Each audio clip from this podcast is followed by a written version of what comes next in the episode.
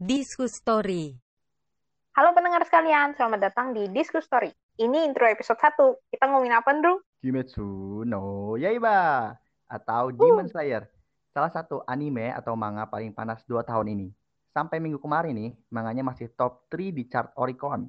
Ngalahin Shingeki no Kyojin atau Attack on Titan dan Kingdom. Gak lupa, Kimetsu no Yaiba juga ngalahin Spirited Away dari Studio Ghibli sebagai film dengan pendapatan terbanyak sedunia di angka 440-an juta dolar Amerika. Wow. Bam. Congratulations buat semua staff studio dan. Ting ting ting. Ting ting ting.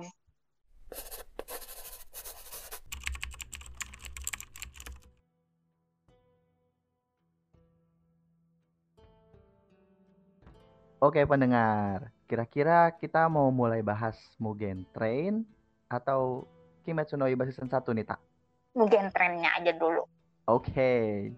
Eh film ini tuh di Indonesia sebetulnya udah keluar dari tahun lalu nggak sih?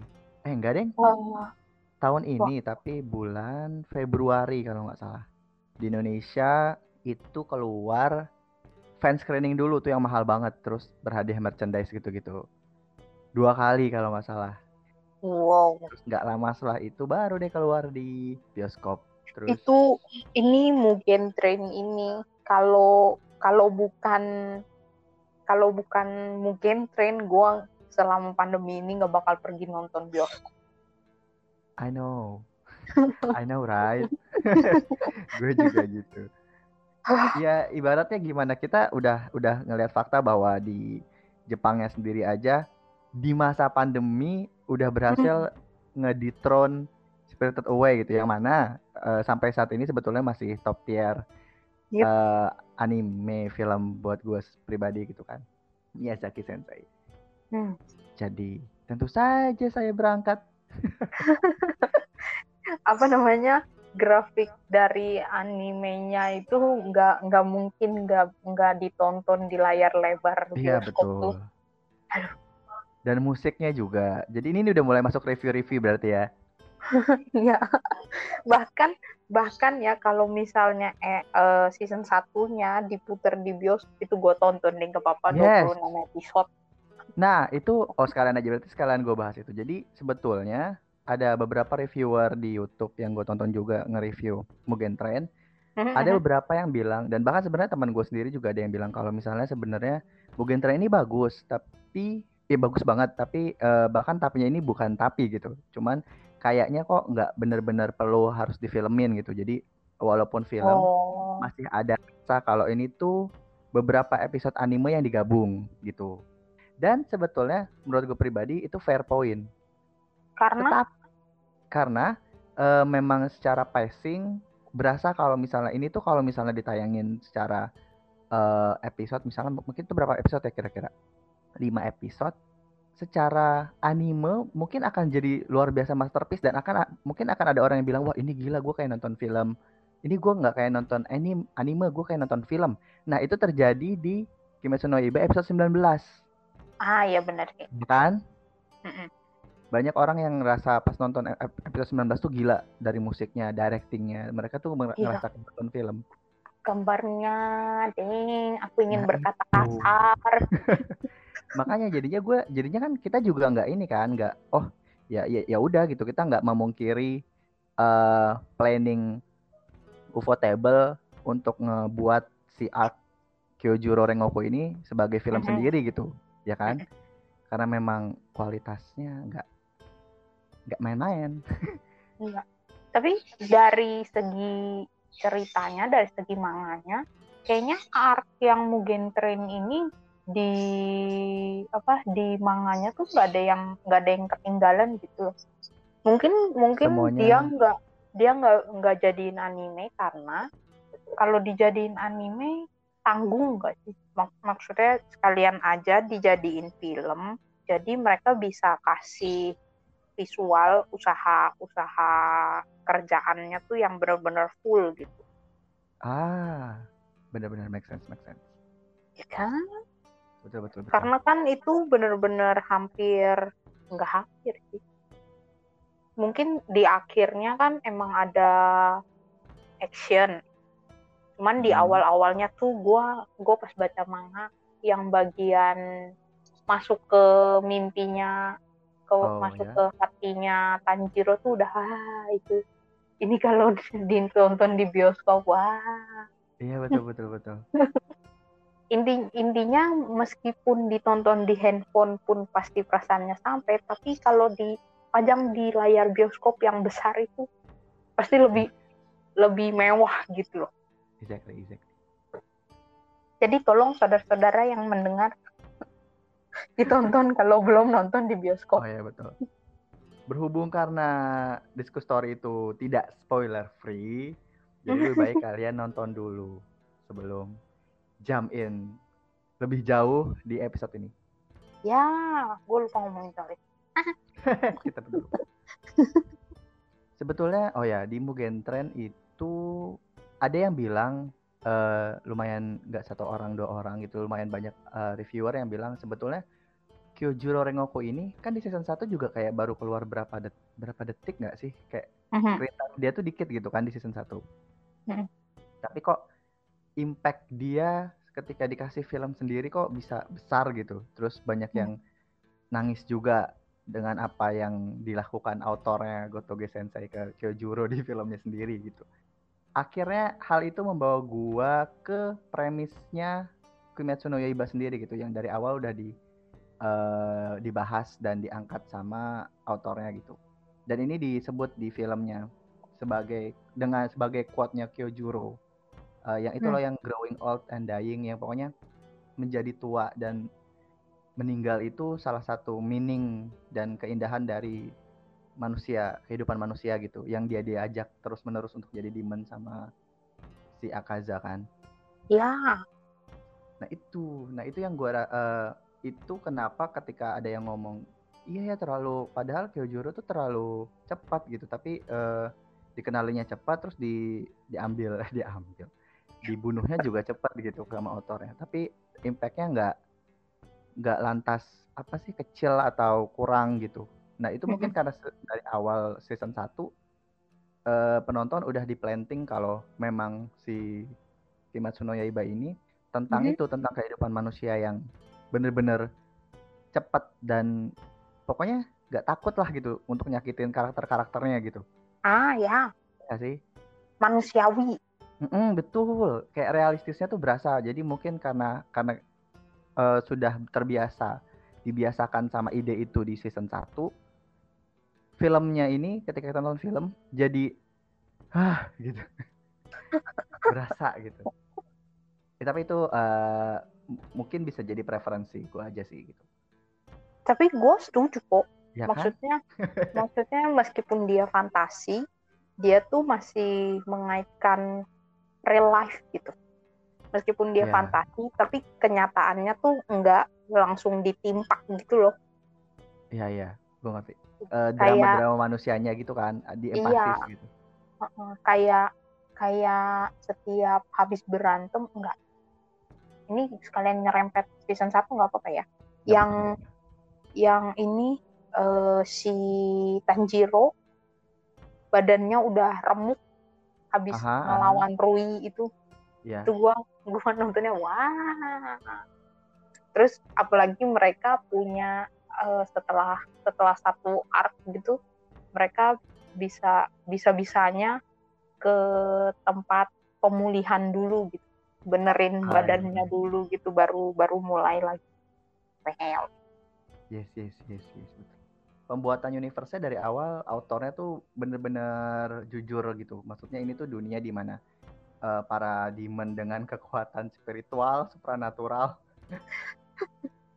yang pakai darah-darah yang bisa segala macam mengeluarkan visual yang bener-bener ada dan bisa dilihat itu melawan para pendekar pedang yang bahkan efek-efeknya tuh cuma imajinasi.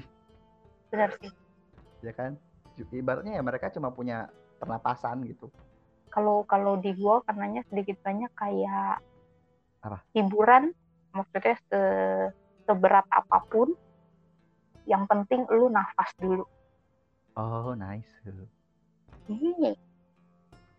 itu kenapa Ada- gua seneng banget nontonnya Yes. Balik ke Mugen Train.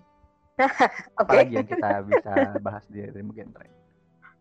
Sebetulnya apa yang ditaruh di Mugen Train, treatmentnya juga sama nggak sih sama secara umum apa yang Ufotable lakuin di season 1 gitu. Goto- Gotoge Sensei itu bikin konsep apa ya power measuring atau power scaling kekuatan-kekuatan di karakter-karakter di universe-nya Mugen Train eh Kimetsu no Yaiba ini kayak dari Mhm. awal misalnya oh eh, pertama kali Demon eh, pertama kali Tanjiro eh, ketemu Demon setelah Nezuko jadi Demon ada iblis yang makan di dalam kuil Hmm. Oke, di situ di situ ibaratnya penonton dikasih lihat nih, oh ini loh kekuatannya eh, demon yang basic yang biasa. Oh oke, berarti Nezuko bisa ngelawan mereka gitu. Nah oke Mm-mm. itu kali itu power power measuring scalingnya di situ pertama. Oke, berarti demon kekuatan demon biasa segini. Terus habis itu latihan latihan latihan, terus eh, ketemu belah batu Iya, belah batu. Di situ eh, fokus ke pelatihannya Tanjiro. Di situ tuh kayak ibaratnya pacingnya sebenarnya agak turun. Nah, di situ sebenarnya gua eh, agak sering lihat orang bilang kalau sebenarnya season 1 itu pacingnya lambat di awal gitu-gitu. Terus gua sebetulnya agak setuju, tapi setelah mikir, oh pacing itu eh, terjadi karena orang-orang biasanya kalau nonton anime pengen anime pengennya tuh langsung fight fight fight gitu loh. Iya nggak sih? ah Nah itu jadi gue jadi ngerasa apa yang dilakuin autornya di awal-awal cerita itu bener-bener take their time gitu, take take the time untuk eh ngebenerin scalingnya itu. Jadi setelah si Tanjiro-nya udah bener-bener kira-kira bisa ngelawan demon Mhm. yang punya teknik-teknik bla bla bla baru ada tes yang mana lumayan banyak di shonen ya kan? Ya. Eh ya itu arc-arc yang tes gitu. Terus ketemu yang bisa pakai oh yang gede demon gede yang udah banyak makan. Oh oke ternyata Tanjiro bisa ngelawan dia. Udah tuh scaling kedua. Terus ketemu em dan itu Zenitsu. Ketemu Zenitsu sama Nosuke. sama Boh Inosuke di yang Kyogai kalau nggak salah namanya ya yang musik. Nah itu pokoknya yang musik yang bisa ngerubah-ngerubah eh Ya, ruang. gravitasi yes. Nah itu di situ scaling berikutnya terjadi. Oh ini loh di, eh, kekuatan demon yang bisa pakai apa namanya kekuatan darah. Darah. Yes eh, blood demon art. Tapi dia adalah mantan 12 iblis bulan. Mm-mm. Di situ oh berarti Tanjiro bisa nih ngelawan yang gak jadi. Yang udah diturunin pangkatnya terus scalingnya oke berarti Tanjiro sekuat itu gitu-gitu. Terus di situ kan juga ini kan ngasih lihat kekuatannya Zenitsu. Ya sebetulnya apa yang dilakuin autornya ini sebetulnya banyak dilakuin eh, di manga lain. Tapi yang se apa ibaratnya ya senit ini tuh gue baru ngerasain di Kimetsu no Yaiba gitu setelah lama ibaratnya yang serapih ini gitu power scalingnya yang bikin bikin kita tuh eh, bertanya-tanya kekuatan yang berikutnya ini musuhnya sebesar apa lagi. Terus abis itu kan kenalin Hashira nih oh ada Hashira oh ada 12 Demon Moons. Udah kita udah dapat scalingnya terus eh, keluarga ibaratnya klimaksnya tuh kalau di seriesnya yaitu di keluarga laba-laba itu kan. Iya. Oh ternyata Tanjiro nggak bisa ngalahin Rui setelah mati-matian terus setelah bagaimana klimaks episode 19 terjadi. Iya. Yang legendaris itu. Sumpah gue pikir bakal dipotong di situ loh. Yes. Terus tiba-tiba episode 20 ah you thought. Keselin banget. Ya sih. Terus oh oke, berarti Tanjiro benar-benar belum bisa ngelawan eh, Lower Moon 6 gitu kan. Terus Gyu datang. Oh segini kekuatannya Hashira. ya Naik lagi tuh power scalingnya. Oh oke berarti Tanjiro udah nggak bisa ngalahin Rui. Terus di eh, ditolong Hashira datang. Terus kita jadi tahu kekuatan Hashira dengan semudah itunya. Sret. Mosh mosh mas. Ah. Waifu. Ups, sorry. sorry guys. Lanjutkan, lanjutkan. Nah itu. Nah dari semua ibaratnya info informasi dan planting yang udah kita dapat di series itu bikin arc-nya Kyojuro ini sayang banget kalau nggak jadi film. Karena di sini adalah pertama kalinya autornya bikin Hashira kalah. Ya, itu semacam Nah, oh ternyata Hashira tuh Gyu. iya. Terus ada Rengoku, Ya Rengoku Kyojuro. iya ada Rengoku yang ke- yang jelas-jelas warnanya merah ya. Di mana-mana Iya. merah itu harusnya yang paling kuat, oke? Iya. Terus tiba-tiba di film dia metong saudara-saudara. itu itu power scalingnya sangat-sangat rapih dan neat. Jadi uh jadi bikin kita tuh wah gila ini kalau misalnya Lower Moon aja udah bisa bikin Tanjiro kayak begini, Mm-mm. terus hasilnya tuh gimana? Terus hasilnya nongol. Terus kemudian lanjut ke film, oh oke. eh Upper Moon-nya gimana nih? Terus Kyojuro datang untuk membawa untuk menjawab pertanyaan itu gitu. Oh, Kyojuro nih yang salah satu yang terkuat ketemu sama Upper Moon. Tiga. Bam. Yang mana ternyata sebetulnya bisa setara tapi karena apa ya? Ya karena itu karena yang dibilang Akaza dari awal. Lu tuh manusia gitu. lu Iya. akan ya lu akan kecapean dan itu kan itu kan eh, hal yang selalu diulang-ulang dari Kimetsu no Yaiba kan. Lu tuh kecapean tuh manusia, lu punya limit dan limit itu ya limit gitu. Yang mana di shonen biasanya jadi sesuatu yang apa ya? Yang bisa di-boost Break the justru. break the limit, break the limit. Pokoknya mau kaki lu udah berantakan, tangan lu udah Iya. berantakan. Pasti bisa gitu. Iya. Nah, Semacam Yaiba itu. Apa? Semacam meme yang suka keluar di Twitter sama Instagram apa eh antagonis yang yang udah udah apa udah Ya, ngalahin latihan. banyak orang Ya latihan Terus ribuan tahun. dikalahin sama anak kemarin Iya, dengan kekuatan persahabatan. iya Nah, itu itu masih ada sih yang mana sebetulnya eh yang bikin KNI itu shonen tapi nggak shonen gitu. Jadi gue ngerasa Kimetsu no Yaiba tuh banyak ngelakuin sesuatu yang nggak dilakuin shonen, tapi eh muncul poin-poin shonen yang ibaratnya ngebikin si Kimetsu no Yaiba ini balance gitu, Hmm, ngejaga genrenya gitu. Gitu sih. Jadi mungkin karena itu karena dari tadi poin semua yang measuring scaling itu makanya di filmnya ini sakitnya dapet kita ngerasain putus asanya dapet emosi-emosi empasis emosi dan drama manusia yang dijadiin apa ya narrative device yang mana biasanya ibaratnya kayak kayak keluarga nih. Biasanya kan kalau di shonen shonen iya punya keluarga iya punya ibu tapi abis itu ketika mereka berpetualang ya udah gitu kayak mereka nggak ada gitu. Ya nggak sih Cak? di di dikantongin. Salah iya dikantongin. Kayak itu jadi sesuatu yang nggak diempasis gitu. Yang iya. mana enggak di enggak maksud gua enggak jadi enggak jadi salah satu pendorong cerita gitu. Iya betul betul. Malah malah sesuatu yang dilupain kayak beban nggak sih? Aduh Iya. nggak usah pakai keluarga lah pokoknya eh kita bikin main karakter yang pokoknya keluarganya gak ada gitu langsung nothing tulus karakter yang nothing tulus yang mana Tanjiro juga gitu sih ya kan Hmm. keluarganya dihabisin di awal.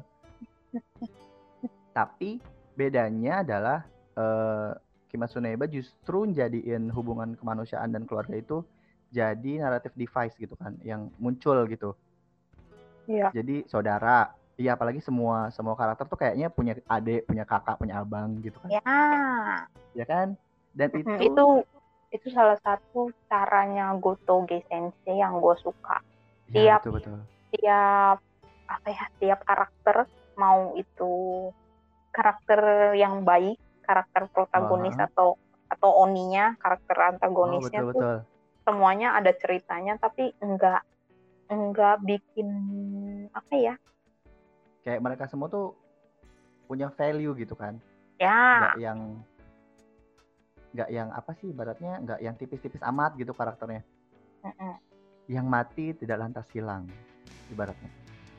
Jadi karakter yang mati ju- justru malah kayak masih punya kehendak untuk muncul lagi di eh, memori gitu di ingatan. Dan mereka tuh andil dalam apa ya gerakin ceritanya justru gitu.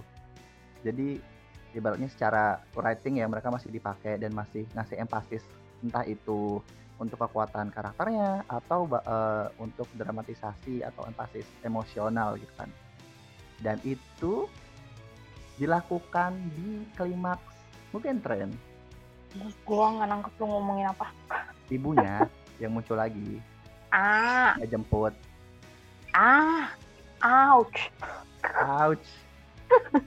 Aku mengingatkan jadi keluarga adalah segalanya dan justru malah jadi narrative device yang sangat efektif. Sejak dari seriesnya sampai ke filmnya juga.